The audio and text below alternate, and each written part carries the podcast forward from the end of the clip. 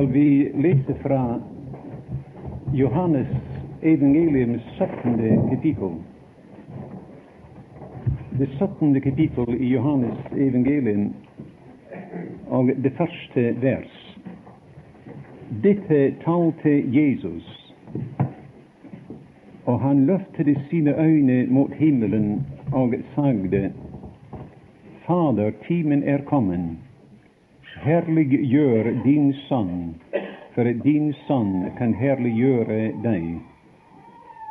Like som du har givet ham makt over alt kjød, for han skal give evig liv til alle dem som du har givet ham. Og dette er det evige liv, at de kjenner deg, den eneste sanne Gud, og ham du utsendte, Jesus Kristus. Jeg har herliggjort deg på jorden, idet jeg har fullgjort den gjerning som du har givet meg å gjøre. Og nå herliggjør du meg, Fader, hos deg selv, med den herlighet jeg hadde hos deg før verden var. Jeg har åpenbare ditt navn for de mennesker som du gav meg av verden. De var dine, og du gav meg dem, og det har holdt ditt ord. Nå vet de at alt hva du har givet meg, er fra deg. Til de ord som du gav meg, har jeg givet dem, og de har tatt imot dem og kjent i sannhet at jeg er utgangen fra deg, og de har trodd at du har utsendt meg. Jeg beder for dem. Jeg beder ikke for verden, men for dem som du har givet meg, fordi de er dine. Alt mitt er jo ditt, og ditt er mitt og jeg er herliggjort i dem. Og jeg er ikke lenger i verden, men disse er i verden. Og jeg kommer til deg. Hellige Fader, bevar dem i ditt navn som du har givet meg, for at de må være ett, like som vi. Da jeg var hos dem, bevaret jeg dem i ditt navn, som du har givet meg og jeg voktet dem, og ingen av dem gikk fortapt, uten hin fortapelsens barn, for at Skriften skulle oppfylles. Men nå kommer jeg til deg, og dette taler jeg i verden, for at de skal ha min glede fullkommen i seg. Jeg har givet dem ditt ord, og verden har hatt dem, fordi de ikke er av verden, like som jeg ikke er av verden. Jeg beder ikke du skal ta dem ut av verden, men at du skal bevare dem fra det onde. De er ikke av verden, like som jeg ikke er av verden. Hellige Fader, hellige dem i sannhet. Ditt ord er sannhet liksom du har utsendt meg til verden, har også jeg utsendt dem til verden. Og jeg heliger meg for dem, for at også de skal være heliget i sannhet. Men jeg beder ikke for disse alene, men også for dem som ved deres ord tror på meg at de alle skal må være ett, like som du, Fader, i meg, og jeg i deg, at også de må være ett i oss, for at verden skal tro at du har utsendt meg. Og den herlighet som du har givet meg, den har jeg givet dem, for at de skal være ett, like som vi er ett jeg i dem og du i meg, for at de skal være fullkomnede til ett, så verden skal kan kjenne at du har utsendt meg og elsket dem, like som du har elsket meg. Fader, jeg vil at hvor jeg, hvor jeg er, der skal også de som du har givet meg, være hos meg, for at de skal se min herlighet, som du har givet meg fordi du har elsket meg, før verdens grunnvoll ble lagt. Rettferdige Fader, verden har ikke kjent deg, men jeg har kjent deg, og disse har kjent at du har utsendt meg. Og jeg har kunngjort dem ditt navn, og jeg vil kunngjøre det, dem det. For at den kjærlighet hvormed du har elsket meg, skal være i dem, og jeg i dem. Den Herre Jesus talte sitt aller siste ord til denne verden i det tolvte kapittel. Det, de, to, de første to kapitler i Johannes evangelium er Kristi offentlige tjeneste. Og skjønt han talte slik at selv hans fiender måtte erkjenne aldri talte noe menneske som denne mann. Og skjønt hans veldige gjerninger var slik det bevidnede at han var Guds sønn, dog ble han forkastet. Altså, verden kjente ham ikke, og hans egne Israel tok ikke imot ham. Hver eneste dør i verden ble lukket imot Guds sønn. Ingen altså ville ha ham her i denne verden. Men vi vi ser her da han avsluttet sin tale i det tolvte kapittel. For meg er det meget rørende. Til den Herre Jesus talte der med en dyp, dyp sorg i sitt hjerte. Det var ikke noen lett sak for ham, altså noen ringe sak for ham, at verden hadde forkastet ham.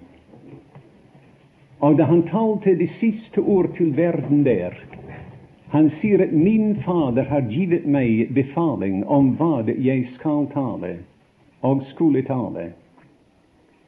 Og jeg vet at min Faders befaling er evig liv. Altså, min Fader har ikke sendt meg ut for å dømme eder. Han har ikke sendt meg ut for noe annet enn å velsigne eder. Og min Faders befaling har jeg talt. Jeg har talt så at de skulle ha og få det evige liv. Og det ser vi alle sammen ganske tydelig og klart igjennom i hele Johannes evangelien, igjennom det første tolv kapitler. Vers etter vers altså kom fra det, den munn, altså. Guds samtale til disse herlige og innvidende sannheter til verden men han talte det for at de skulle få det evige liv. Men verden, mine venner, disse livssalige ord som Jesus talte til verden, det falt på meget uinteresserte ører. Verden vendte ryggen til ham. De forkastet ham. Og det var det siste som Guds sønn talte til denne verden. Han tok nå sin forkastelse for avgjort, og han tok sine egne, disse noen få disipler som han hadde, han tok dem avsides inn i den sal der de hadde sitt tilhold. Og han satte seg der iblant dem, og han talte disse vidunderlige sannheter. Sannheter som aldri før var blitt talt i denne verden. Han talte til dem om Faderen. Han talte om Faderens hjem, om Faderhuset. Det var som om han sa til dem der i det 14. kapittel at denne verden har lukket alle dører imot meg og imot heder. Denne verden vil ikke ha meg her. Det har lukket hver eneste dør imot meg. Men min Fader har åpnet sin verden. Det er ikke rom for meg i denne verden, men der er det rom. I min Faders hus er det mange boliger, og det er plass der for både meg og for eder, sier han.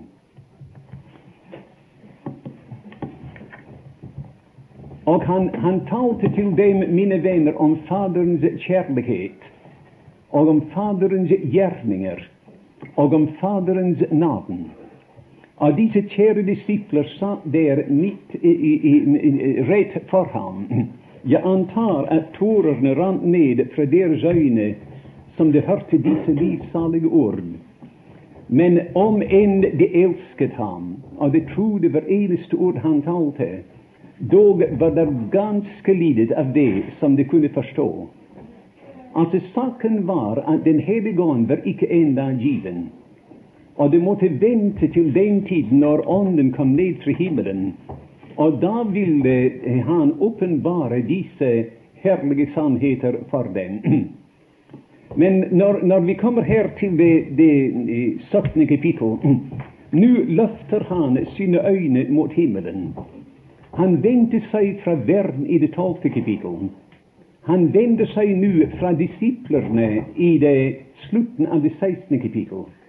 Og han ser opp mot himmelen, og han sier, Fader, timen er kommet. Herliggjør du, din sønn, for din sønn kan herliggjøre deg. Altså, Om vi bare visste, mine venner Jeg kan ikke forklare altså hvordan det appellerer til mitt hjerte her. Men det er akkurat som om Herren sa, min Fader, jeg har vært her nede som din tjener. Mitt liv her nede har vært å forherlige deg. Og nå ønsker jeg nå å innta min plass der, den plass som tilhørte meg i evigheten som var. Men å innta den plass nå som et menneske, som en tjener altså. Og når jeg inntar min plass der nå, som et menneske, som en tjener, et guddommelig menneske altså, da skal jeg fortsette å forherlige deg. Det er ikke min tjeneste skal være ferdig når jeg forlater denne verden. Jeg skal beholde min tjener karakter evinnelig.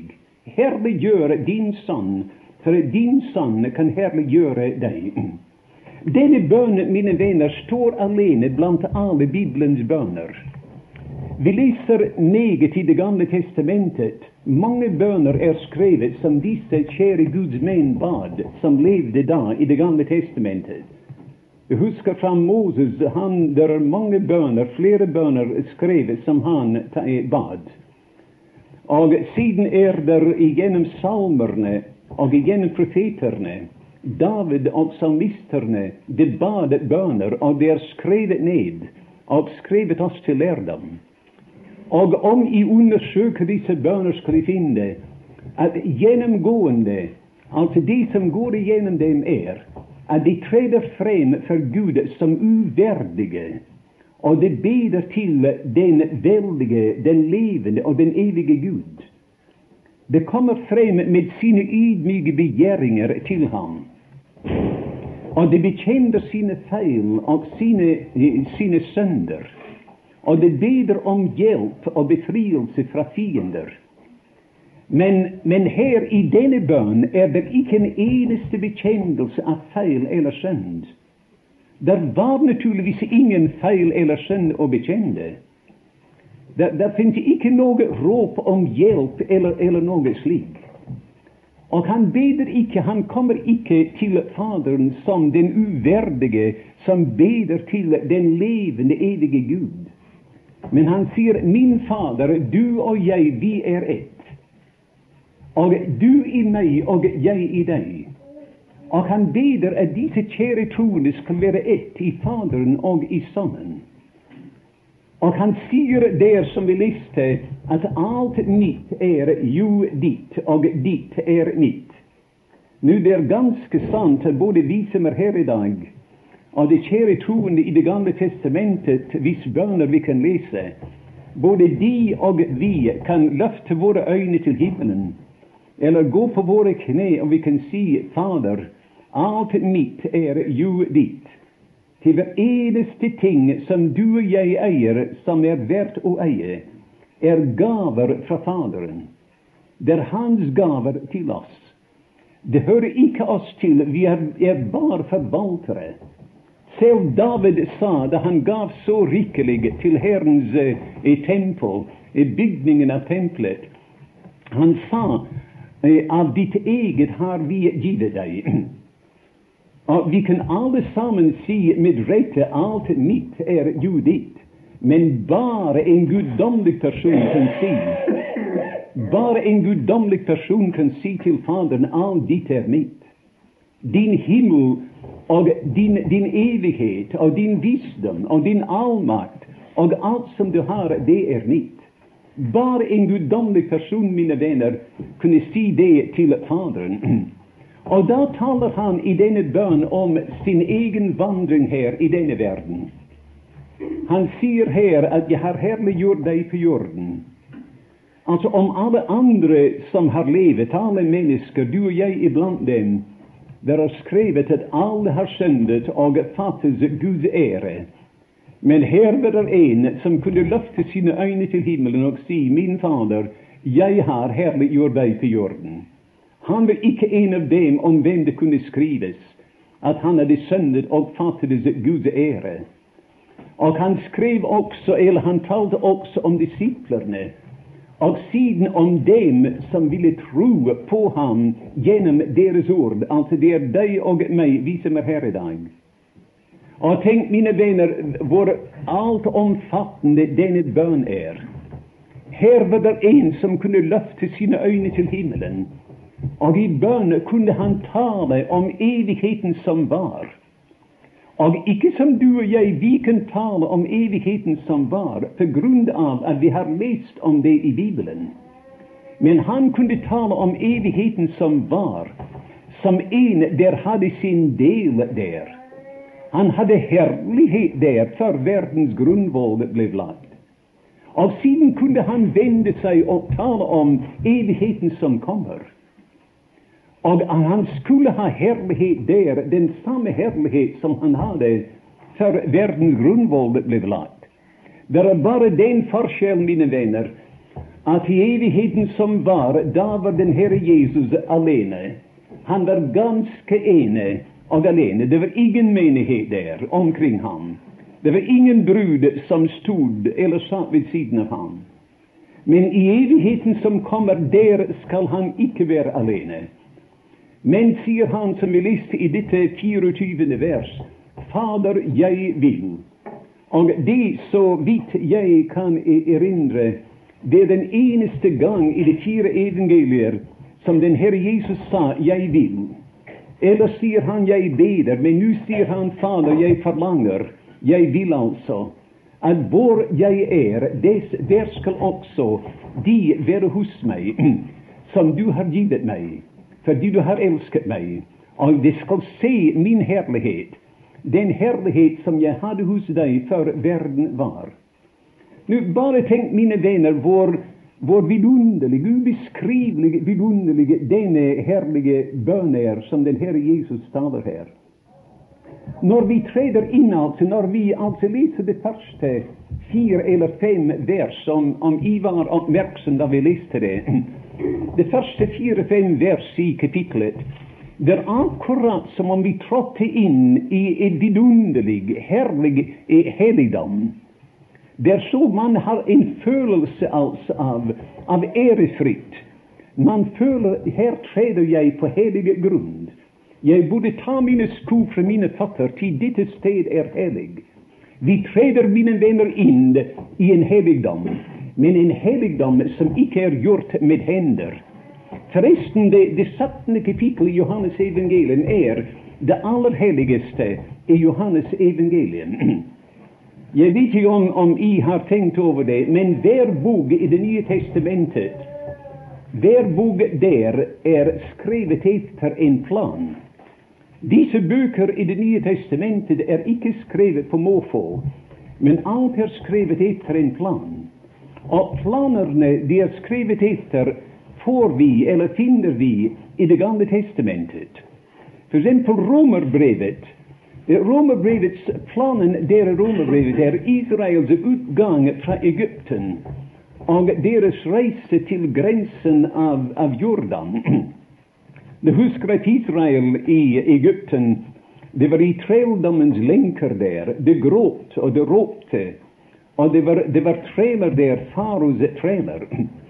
Og da kom Gud inn, og ved lammets blod forløste han dem ut av Egypten og førte dem over Det røde hav til den andre side av havet, der de kunne synge sin første sang. Nå, Det er hva vi har i det tredje kapittel i Romerbrevet. Vi finner folk der der er ingen rettferdig, ikke en eneste.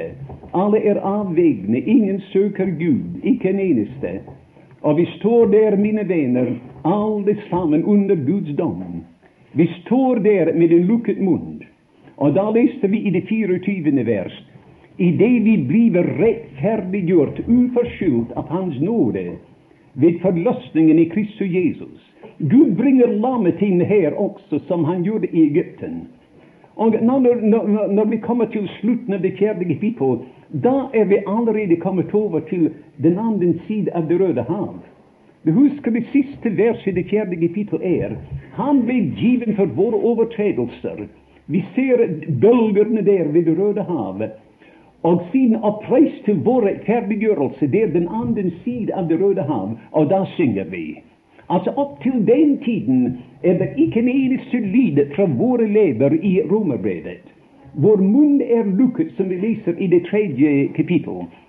Men når vi kommer da til at vi ser vår velsignede frelse, der går han ned og ned og ned i bølgene. Der er havpreist igjen på den annen side av Det røde hav. Da synger vi, og en herlig sang. En sang som ligner den sangen som Israel sang på den andre side. Da vi nå altså er rettferdiggjort av troen, har vi fred med Gud ved vår Herre Jesus Kristus. Ved den vi også har fått adgang til denne nåde i hvilken vi står, og vi roser oss av håp Håp om kanen, altså. Håp om, om herligheten. Vi ser fremover som Israel gjør det, til det deilige land. Og da begynner vi vår vandring like som Israel gjennom ørkenen. Vi husker at alt sammen var nytt for Israel. De fikk manne fra himmelen og vann fra klippen. Og de, de hadde ledelse ved skystatten som førte dem gjennom ørkenen. Og vi leser i det sjette kapittel at, at vi, lever, vi vandrer i et nytt levnet, vi også. Men når vi kommer til åttende kapittel, da er vi kommet til det sted der Israel kom til, som heter Moabs ødemarker. Det var akkurat på grensen til det gode land. Det var ikke enda kommet inn. Ikke enda kommet over Jordan. Men de var der, og du husker, mine venner, om, dere har, om I har lest så meget om det, at da de kom til det sted som heter Moavs ødemarker de visste ikke, disse kjære Israels barn visste ikke, at der oppe på fjellet var det en stygg mann, en satanisk mann altså, som ønsket å anklage dem og ønsker å forbanne dem. Men Gud sa nei, du kan ikke forbanne dem som jeg har velsignet. Men William, altså, denne mannen som jeg taler om, han gikk på veien for å få sine spådommer. Og istedenfor at han fikk lov til å gå til denne onde ånd for å få sine spådommer Gud kom imellom, og Gud sa nei, du skal gå tilbake igjen til Balak. Og jeg skal legge ord i din munn, altså ikke i hans hjerte. Det var ikke noen hjertesak. Men jeg legger ord i din munn som du skal tale. Og han kom tilbake, og han talte vidunderlige ting om Israel.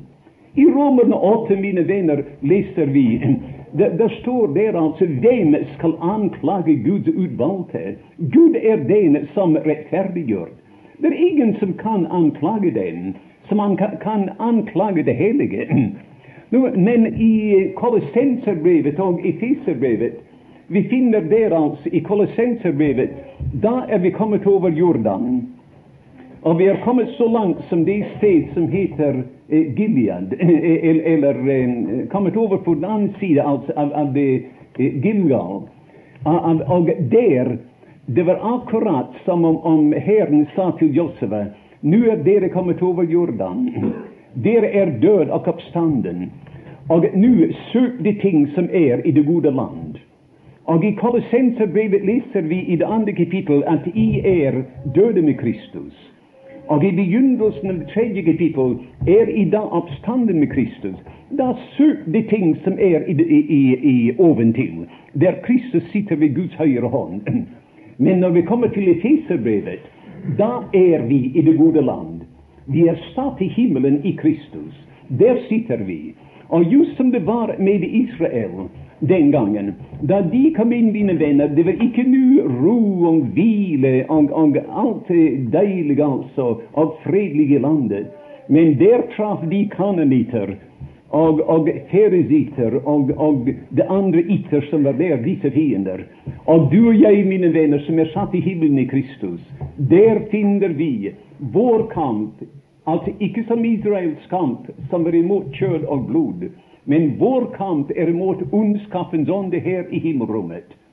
Men Filippenserbrevet, la meg bare si i forbigående Filippenserbrevet er like som femte Mosebok i Det nye testamentet. Det er ganske betegnende at i de første fire Mosebøker, altså første, andre, tredje og fjerde Mosebok, du leser der om glede bare tre eller fire ganger. Men når vi kommer til det femte Mosebok, vi leser om glede der kanskje mellom 20 og 30 ganger. Og når vi leser disse brever som eh, Paulus skrev, som vi hørte en del av, av i dag, det er ikke så meget, så mange ganger vi leser der om glede. Men i Filippenserbrevet leser vi om glede 19 eller 20 ganger over. Tre ganger sier apostelen 'gled eder i Herren alltid'. Gled eder Herren alltid. Og atter sier jeg 'gled eder'. Nå vel, det, det, jeg mener er, når vi kommer til Johannes evangelium Planen etter hvilken Johannes skriver sitt evangelium, er tabernaklet. Altså, de første tolv kapitler er utenfor. Og siden i det, det 13. kapittel tar han sine disipler inn, og den første ting vi treffer der, er alteret. Til de sitter der ved bordet, og det slaktede lam er på bordet, påskelammet er på bordet, som taler altså om døden, om alteret. Og den neste tingen, mine venner, er at Kristus står opp fra døden. Han står opp fra bordet. Og når han står opp fra det, han binder om seg med prestens eh, linneklede. Han legger sine ydre, sine ydre kleder av seg, og han binder opp om seg med et, et linneklede. Og han bøyer seg ned. Han tar et fat, ikke med blodet nå, men et fat med vann.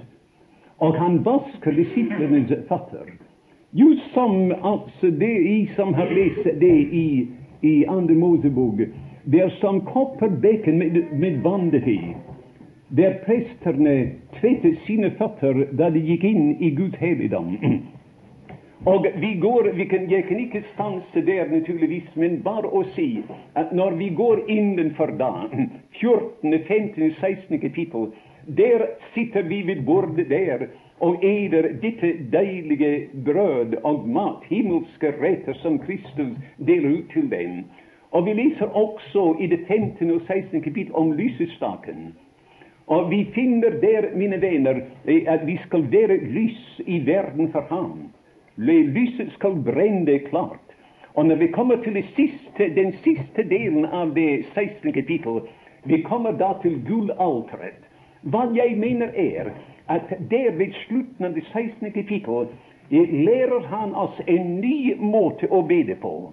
Han sier hittil har vi ikke bedet på denne måte. Aldri før har du har I bedet, eller noen annen bedet, i mitt navn. Bedet nå, og I skal få, for at eders glede kan være fullkommen. Men mine venner, det som jeg sa, altså det, det 17. kapittel, det er det aller helligste. Vi går inn i det aller helligste. Det som ypperste presten som leder altså sine eh, eh, presterne og leder dem inn.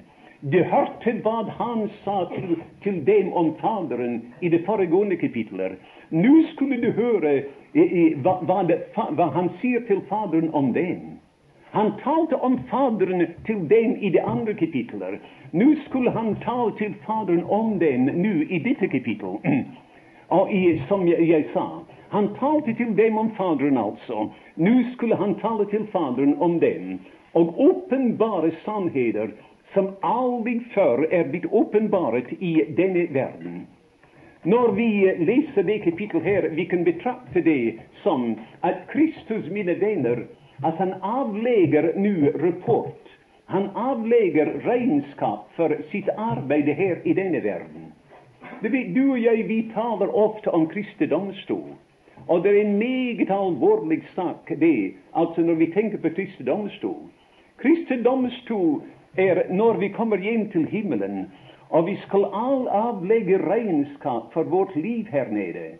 Hvordan vi har forvaltet vårt pund her nede og livet for Herren her nede. Skal, vi skal avlegge regnskap for det. Det er en meget alvorlig sak for hver eneste troende. Gudskjelov, vi skal ikke avlegge noen regnskap hva våre synder angår. Kristus selv har ordnet med det. Men vi skal avlegge regnskap for våre gjerninger her nede i denne verden. For å se hvilken belønning vi skal få for vårt liv her nede i verden. Men den aller første, mine venner, som avla regnskap for tronen, var den Herre Jesus. Han fremstiller sine gjerninger der for Faderen. Han sier, 'Min Fader, her er jeg'. Og i lyset av den trone, altså, sier han til Faderen, 'Jeg har herliggjort deg på jorden'. 'Jeg har fullbyrdet den gjerning som du gav meg å gjøre' at den gjerning jeg skulle gjøre, var bestemt før jeg kom inn i denne verden her. Nå, Fader, jeg har fullbyrdet den gjerning som du gav meg å gjøre. Og hvorfor, mine venner, taler han om det? Jo, han venter å få sin belønning. Det belønningen han ventet på, var å være i den herlighet som han hadde evinnelig hos, hos Faderen. Den herlighet han hadde hos ham før verdens grunnvoll ble lagt. Men denne gangen ønsket han altså å komme inn der nå som en tjener, som et menneske, men et guddommelig menneske. Til la meg si, mine venner, i disse dager altså, de siste dagers villfarelser, går alt sammen går ut på å angripe hans guddom. Det, det eneste en av dem altså angriper Kristi guddom. Og la meg si til dere at om en han ønsker å komme tilbake der, og han ber om å få den herlighet han hadde hos Faderen før verdens grunnvoll ble lagt, som et menneske, altså det var, det var fordi han var et guddommelig menneske. Han, han gav avkall frivillig på Guds skikkelse. Han gav ikke avkall altså på å være Gud. Det var ikke hans person som var forandret. Det var hans skikkelse og hans omstendigheter som var forandret. Om kong Fredrik f.eks. Av Danmark reiste over til England, og han kom til en av disse gruvebyer der i England, og man går veldig dypt under jorden altså for å komme til, eh, til bunnen. Og om han, for å skaffe seg en del erfaringer, ville ta på seg en, en kullgrubers drakt og gå ned en, en dag.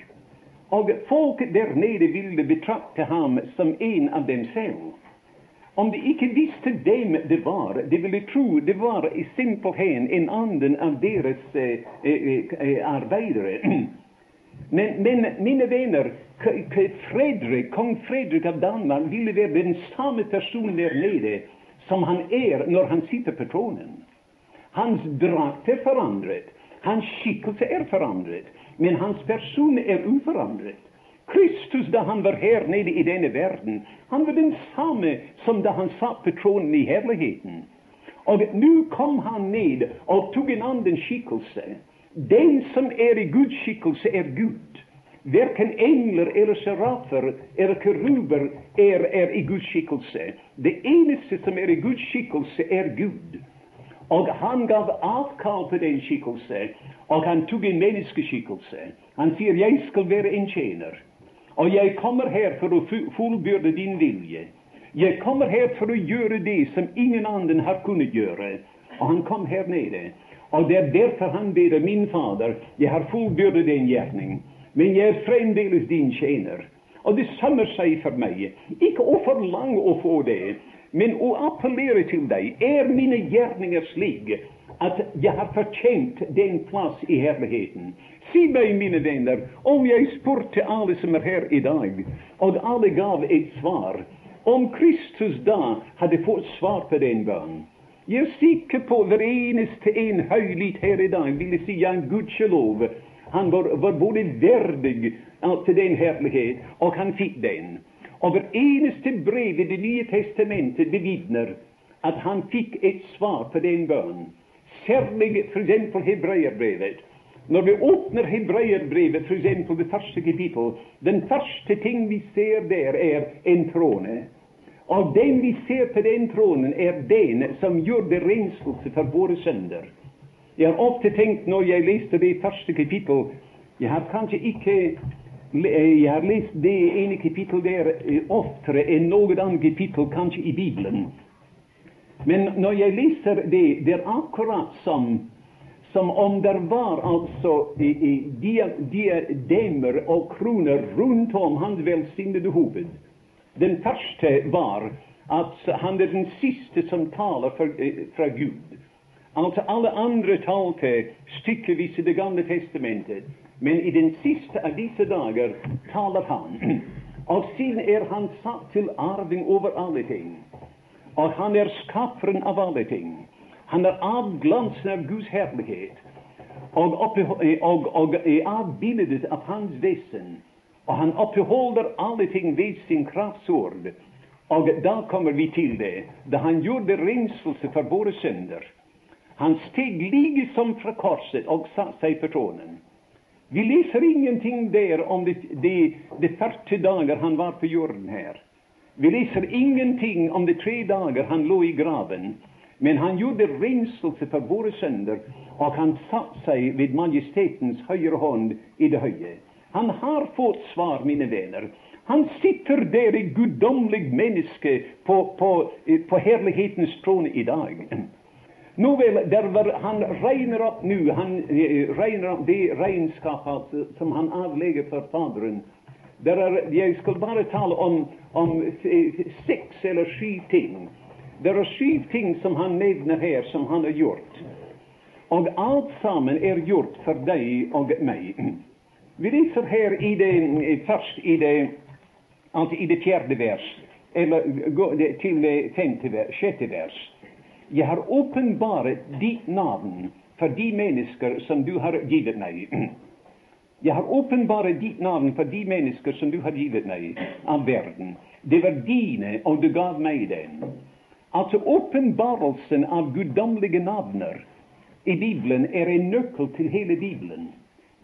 Og det ville ta altså Jeg har ikke tenkt å gjøre det, men det ville ta flere timer iallfall å gå fra sted til sted i Det gamle testamentet og finne der at det ene guddommelige navn er åpenbart etter det andre.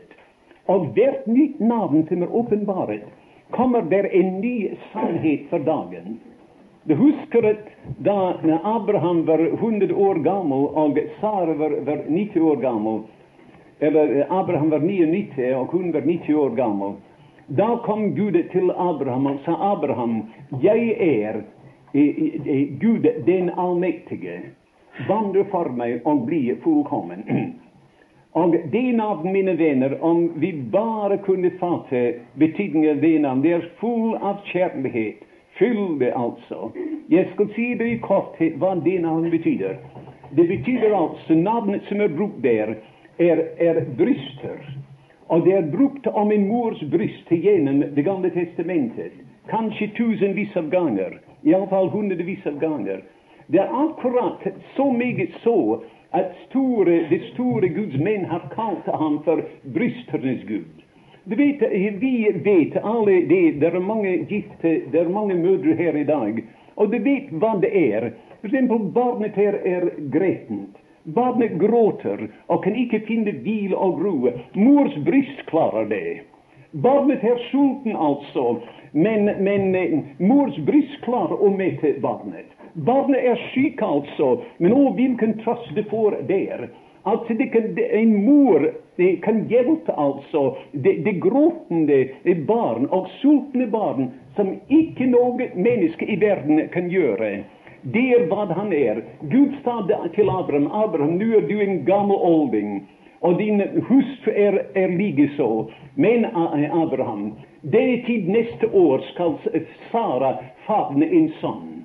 Det er ganske umulig. Men Gud, mine venner, er utømmelig. Han er, han er brysternes gud. Det er han som gir millioner av tonn korn og, og matvarer til denne verden her år etter år. Han yter regn og solskinn og alt. Han er den ydende Gud, altså.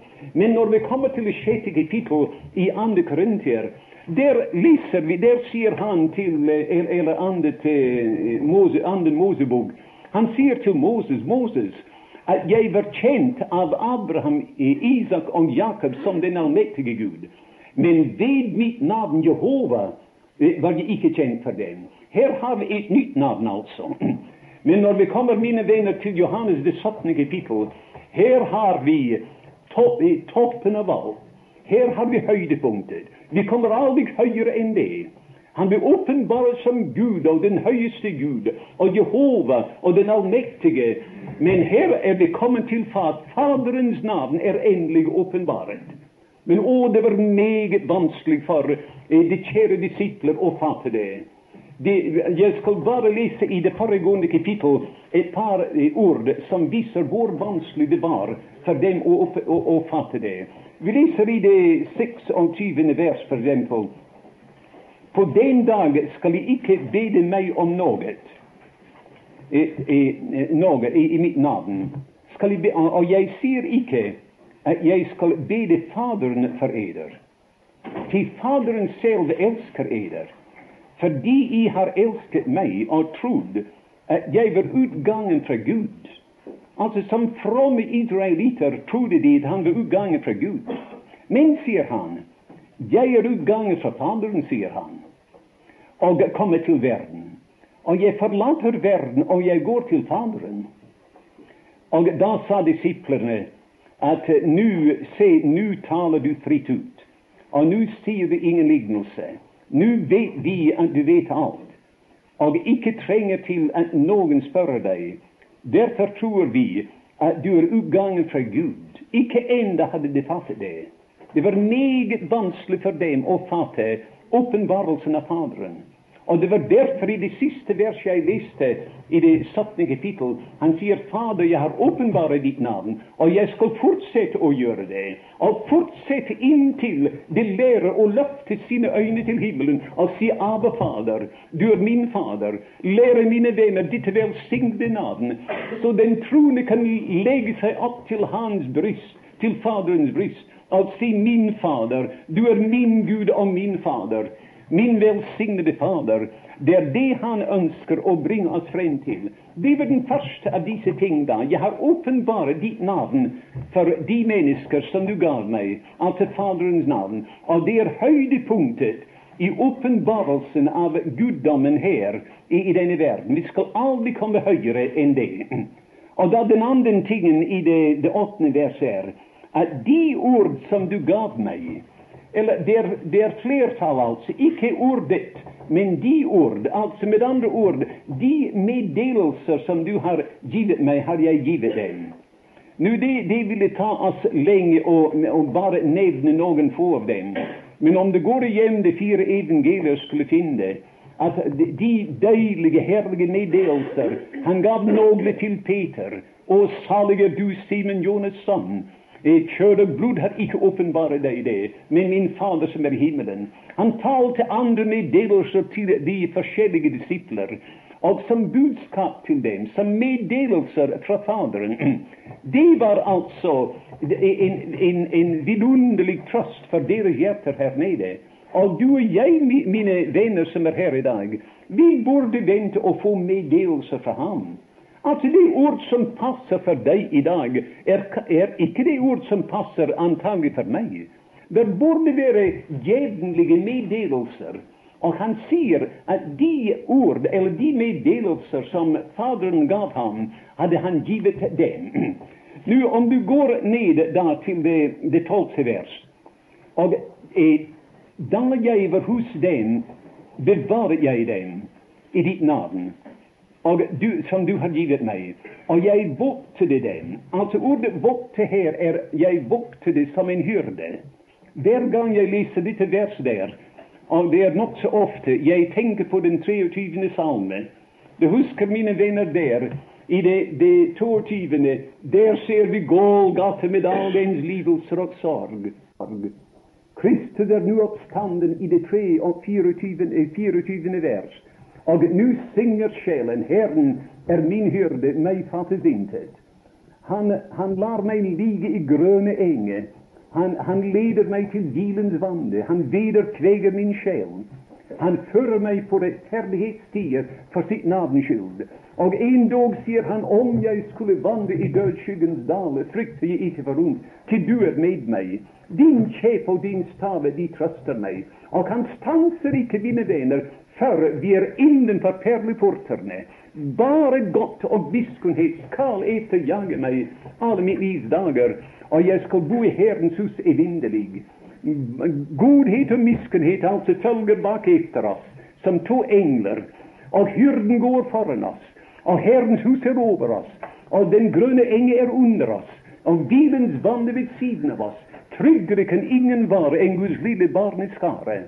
Nå vel, hver gang, mine venner, jeg leser dette vers her, her hører jeg den store, velsignede hyrdes røst. Han sier, 'Min Fader, jeg voktet dem'. Voktet dem altså som en hyrde. Nå les i, det, det, det 14. vers. Jeg har givet dem ditt ord, altså ditt ord. Vi leser i det, i det 8. vers dine ord, altså. Eller dine meddelelser. Men her i det 14. vers sier han, jeg har givet dem ditt ord. At hele Bibelen er kommet fra ham. La meg si til dere, mine venner, at aldri skal det legge sitt eneste ord til til Guds ord.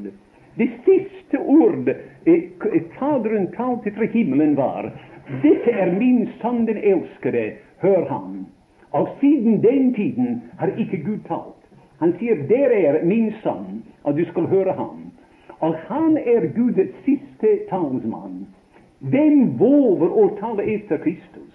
Men der hva vi har i disse siste dagers villfarelser, alltid deres grunnleggere eller grunnleggerinder Eh, alltid når de eh, grunnlegger sin redige unn, altså, det beviser det ved at de har fått en åpenbarelse, at de har hørt en røst, eh, eller fått et syn, eller noe slikt.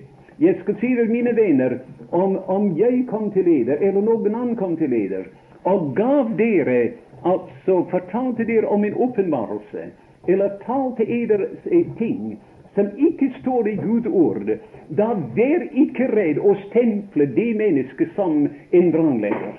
Guds siste ord er talt. Gud talte mange ganger og på mange måter til fedrene ved profeterne, men han har talt i den siste av disse dager ved sammen. Og han skal aldri tale et eneste ord mer. Guds ord er nå fullbyrdet, som apostelen sier i Kolossenser 1. Alt sammen er ferdig. Hver eneste ting som bor i Guds vesen, er åpenbare. Og Kristus er den som er åpenbare det. Så at eh, han har givet oss, eh, som han sier her, jeg har givet dem ditt ord. Nå i det åttende vers, eh, det attende vers, like som du har utsendt meg til verden, har også jeg utsendt den til verden. Jeg sa da jeg leste i det, tolvte verset der om, eh, når jeg leste det verset jeg tenkte på den 23. salme. Men når, når jeg leser det 18. vers, at like som du har utsendt meg til verden, så har jeg utsendt den til verden. Når jeg, tenker, når jeg leser det vers, tenker jeg på salmen 44. Du husker den deilige salme som ble nevnt i går aftes her? Den begynner med Alle husker den salmen, altså At hvor elskelige er dine, dine boliger, Herre herskarenes Gud. Og det første fem eller seks vers i den salmen som Misner så aldeles henrykt, så overveldet altså av Guds boliger. Og skjønnheten i Guds tabernakel og Guds boliger. Han er aldeles overveldet, altså. Jeg tenker ofte, og jeg kan gjerne skjule mitt ansikt i skam når jeg tenker over det, at der var en mann, mine venner, salmisten som skrev den salmen. Han levde den gangen blant skyggerne. Det var bare bilder. Det var et telt, altså, eller noe slikt. Og her lever jeg i dag, når jeg har virkeligheten av det. Men han var meget mer overveldet av skyggene enn jeg er av virkeligheten i dag. Det burde ikke være det, mine venner. Altså, vi har frimodighet til å gå inn i helligdommen i dag og beundre disse herligheter der innenfor, altså som Kristus åpenbarer. Nå vel, Der gang jeg tenker på det vers her, da kommer den salmen for meg. Den første delen altså er, er skjønnhetene som er i Guds bolig. Men da sier han den, at når han går utenfor når han går, vi, vi må gå utenfor samme tid. Hva fant han utenfor? Han fant en tåredal. Når Kristus, mine venner, han ble utsendt fra Faderen til denne verden, hva fant han her? Han fant, mine venner, i, i, i, disse dødsmarsjer på veien til graven. Gråtende enker og gråtende søstre. Og han fant de som, som levde her i Tåredalen her nede i denne verden. Og jeg kan forstå, mine venner, at den Herre Jesus, hans velsignede, elskende hjerte, beveget ham til tårer mange ganger, som han så seg rundt omkring og så hva det var som tilstanden i verden her. Nå vel, når, når du og jeg da går utenfor, da sier salmisten der, da finner vi en tåredal. Men hvor finner vi Tåredalen på noe kart? Hvilke kart, altså? Du kan ransake så mange bibelske kart som du vil. Du skal aldri finne Tåredalen i noen av dem antydet. Jeg skal si det, mine venner, Tåredalen er rundt omkring oss i København i dag. Og det er huser her i København i dag det er hjem her, og om vi kjente til den og kom inn til den, vi ville se gråtende kvinner sittende og vrir sine hender i forferdelse. Og gråtende barn, gråtende foreldre, som de sitter der ved siden av en seng. Enten har vedkommende utåndet, eller kanskje er på veien til det. Det, det er en tåredal rundt omkring oss overalt. Og da sier han, når det går igjennom Tåredalen de gjør det til en kildevann. Jeg skal si dere vår oppgave i denne verden er å tørke tårer. Vår oppgave, mine venner, i denne verden er å trøste hjerter. Jeg har bedt til Gud, jeg tør ikke gjette hvor mangfoldige ganger, at Han ville gi meg den lærtestunge.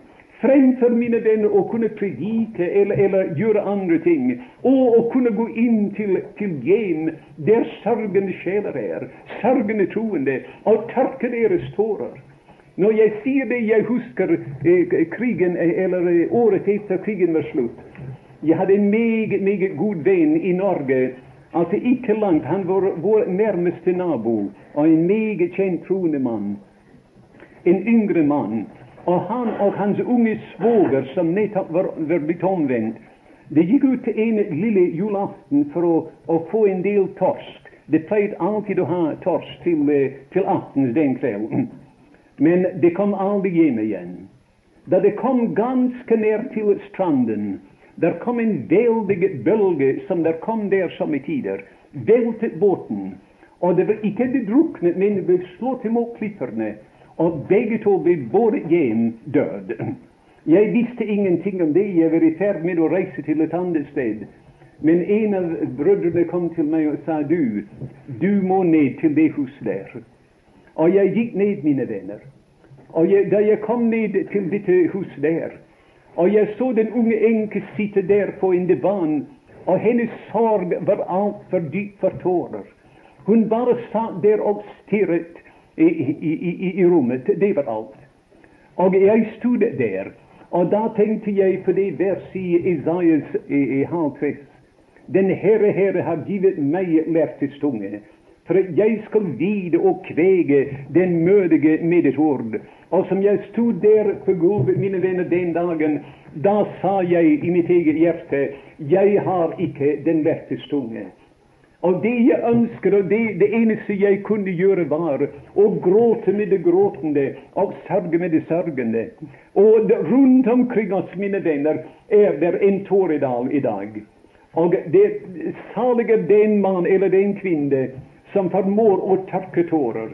Ikke å skape flere tårer, altså. Ikke å legge sten til byrden, men å tørke tårene. Det var en av de ting da som han gjorde. Han sier liksom du har utsendt meg til verden. Og vi vet hvordan han levde her. Nå vel sier han jeg har utsendt den til verden. Og da nå bare et, et øyeblikk, og da er jeg ferdig. I det, det 22. vers sier han jeg har, herlig, jeg har givet dem den herlighet som du har givet meg. Den herlighet, altså, som han kom her ned og han kom her ned, mine venner, for å erobre riket. Han skulle erobre riket fra, fra Satans hånd. Og han overvant ham først i ørkenen, etter han ble døpt til Jordan av Johannes. Og siden overvant ham i døden. Og så, men sier han at den herlighet Jeg har ervervet meg herligheten som en konge og som en prest og jeg giver den herlighet til disse mine medarvinger. Det burde, mine venner, fylde alles våre hjerter med en, en, en nidkjærhet som, som i de fleste av oss ikke eier. Jeg har givet den den herlighet. Men nå jeg kan ikke fortsette. Men la meg si, mine venner, i det jeg setter meg, at det er bare tre ting han beder om for oss. Disse ting jeg har nevnt, det har han gjort for oss. Men det er tre ting han har bedt for oss. Og Den ene tingen var Han sier der i det, det 15. vers at uh, jeg beder ikke du skal ta dem ut av verden, men at du skal bevare dem fra det onde. All det onde, mine venner, som I er vitne til rundt om i denne store by her, at du skal bevare dem fra det onde. Og siden i det, det 16. vers eller det 17. vers. Hellige den i din sannhet, ditt ord er sannhet. Vet I hvordan Han helliger oss? Jo, sier han, min Fader, at jeg helliger meg for dem. Altså, hva han mener er at nå er jeg her, men jeg skal hellige meg helt opp til tronen. Og jeg gjør regning på at min brud, at mine, mine barn skal ha brudefølelser, og at deres hjerter skal følge etter meg. Når jeg går der opp De skal si noe vel, Der er hjertet mitt. Mine fattere er her på ørkenens sand, men mitt hjerte er der ved tronen. Jeg skal hellige meg for at også de skal helliges ved sannheten. Det var den andre ting som han bad om, at det skulle helliges. Og det er brudens helliggjørelse. Og siden leser vi i det, det 24. vers. Det var det jeg nevnte forresten. Fader, jeg vil at, at hvor jeg er vet, Han kunne ha bedt den gangen Fader, jeg vil at alle sammen av disse skal være i himmelen. Men du vet, himmelen, mine venner, er veldig begrep. Vi kunne være i himmelen og aldri se ham for den sak. Men han sier, Fader, jeg vil at hvor jeg er, hvor jeg er, der skal også de som du har givet meg, være hos meg. Og de skal se min herlighet. Det er en herlighet som vi skal se men ikke få. Det var den hans personlige herlighet som han hadde hos Faderen før verden var. Og mine venner, det her som jeg har sagt nå i dag, det er bare å røre ved sammen av hans kledebånd. Det er bare lite grann fra, fra overflaten altså, i dette vidunderlige kapittel. Det kapittelet er full av de ting som øyet ikke så, som øret ikke hørte, og som aldri har kommet noe menneskehjerte. Det er ting som Gud har beredt for dem som elsker ham. Gud har åpenbart dem igjennom det for våre hjerter. Gud hjelper oss da til å grunde til disse ting som ble nevnt i dag, og grunde inntil hjertet strømmer over med livlige ord, ting som angår Kristus.